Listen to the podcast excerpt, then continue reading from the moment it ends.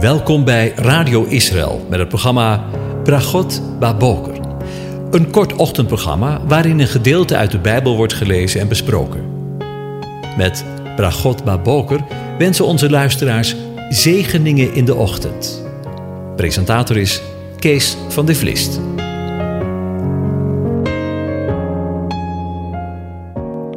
Goedemorgen, beste luisteraars. Bokatov. Vanmorgen gaan we weer verder met uh, na te denken over een gedeelte van Psalm 23 en ik lees het aan je voor. De Heere is mijn herder. Mij ontbreekt niets. Hij doet mij neerliggen in grazige weiden. Hij leidt mij zachtjes naar stille wateren. Hij verkwikt mijn ziel. Hij leidt mij in het spoor van de gerechtigheid, omwille van zijn naam. Al ging ik ook door een dal, vol van schaduw van de dood, ik zou geen kwaad vrezen, want u bent met mij. Uw stok en uw staf, die vertroosten mij. U maakt voor mij de tafel gereed, voor de ogen van mijn tegenstanders. U zalft mijn hoofd met olie, mijn beker vloeit over. Ja, goedheid en goede tierenheid, die zullen mij volgen al de dagen van mijn leven. Ik zal in het huis van de Heere blijven tot in lengte van dagen. Ook vandaag wil ik met je nadenken over de schaduw. De voorgaande keer hebben we al nagedacht over de schaduw als bescherming en beschutting. Maar soms houdt schaduw in bijbelse zin ook verband met de vergankelijkheid van het leven. We lezen bijvoorbeeld in Psalm 102, vers 12: Mijn dagen zijn als een langer wordende schaduw, en ik verdor als gras. En in Psalm 109, vers 23 lezen we: Ik ga heen als een schaduw die langer wordt. Ik word afgeschud als een sprinkhaan.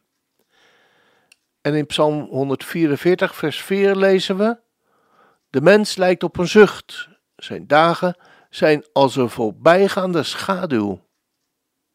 Schaduw wordt in bijbelse zin dus gebruikt om er bescherming mee aan te geven, maar ook om de vergankelijkheid van het leven ermee aan te duiden. Al ging ik ook door een schaduw, door een dal vol schaduw van de dood, zegt de psalm. We hebben het vanmorgen gelezen in Psalm 23. De uitdrukking schaduw van de dood komt maar liefst 18 keer voor in de Bijbel. De doodsschaduw. Bij de schaduw van de dood denk je eigenlijk niet meer aan bescherming of beschutting, maar juist aan bedreiging. De dood werpt haar schaduw reeds vooruit. Als de dood haar schaduw vooruit werpt, denk je als mens: nu wordt het menens. Nu is mijn einde nabij. Iedereen die een dergelijke ervaring heeft meegemaakt en het kan navertellen, zal het erkennen en herkennen dat wanneer je dit hebt meegemaakt, het wel iets heel definitief is, niet te ontlopen. De schrik slaat je om het hart, alles zinkt onder je voeten weg. En dan worden van de ene op het andere moment heel andere dingen ineens belangrijk voor je. En misschien duurt het korte of langere periode voor je de onwankelbaarheid van je geloof weer terug hebt. Dat geloof, dat vertrouwen, dat concentreert zich op het heilsveld waar je als gelovige altijd op mag vertrouwen. U bent met mij. Hier horen we als het ware de naam van de Heere ook weer doorklinken. Yahweh, Shama. De Heere is daar. De Heere is erbij. De Heere, de aanwezige. En zo is het. Zelfs, maar misschien moet ik wel zeggen, juist in de grootste nood, wanneer je als het ware omhuld wordt door de dood, is Hij nabij. Ik moet ineens denken aan mijn schoonvader. Hij had een heel leven achter de rug en het was aan het einde van zijn leven gekomen. Spreken over een persoonlijk geloof was gedurende zijn leven iets wat maar heel moeilijk voor hem was. Maar toen zijn einde naderde en de schaduw van de dood hem naderde, mocht hij ervan getuigen. En ik zal het nooit, nooit, nooit vergeten wat hij vertelde.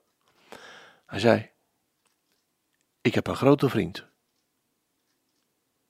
Ik heb een grote vriend. Zie je, de Heer was nabij. En in Hebreeën 13 lezen we: Wees tevreden met wat je hebt. Want hij heeft zelf gezegd: Ik zal u beslist niet loslaten. En ik zal u beslist niet verlaten. Ik zal je beslist niet verlaten. Daarom zeggen wij met goede moed: De Heere is voor mij een helper en ik zal niet vrezen. Het Hebreeuwse woord voor verlaten kan ook vertaald worden met achterlaten. De Heer zegt dus als het ware dat hij jou en mij niet in de steek zal laten. Natuurlijk staan deze woorden in eerste instantie in de context, in de relatie tussen de Heere God en het volk van Israël. Maar ook voor ons geldt dit. De Heer laat ons, jou en mij niet in de steek. En zelfs niet met de dood voor ogen. Als dat geen zegen is.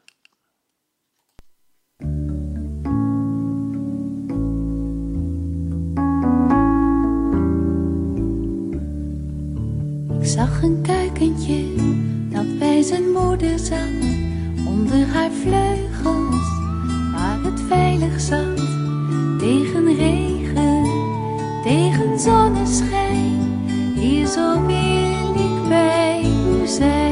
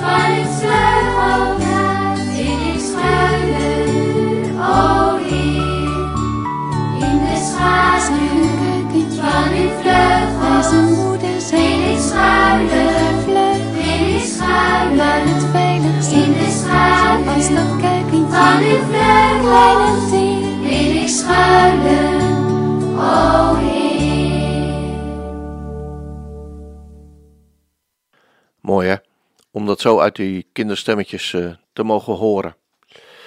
Onder de schaduw van uw vleugels. Ik wens je een van God gezegende dag toe.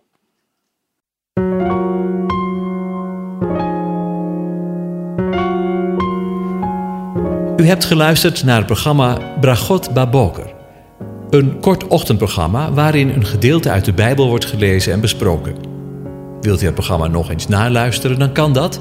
Ga naar radioisrael.nl en klik onder het kopje radio op Uitzending gemist.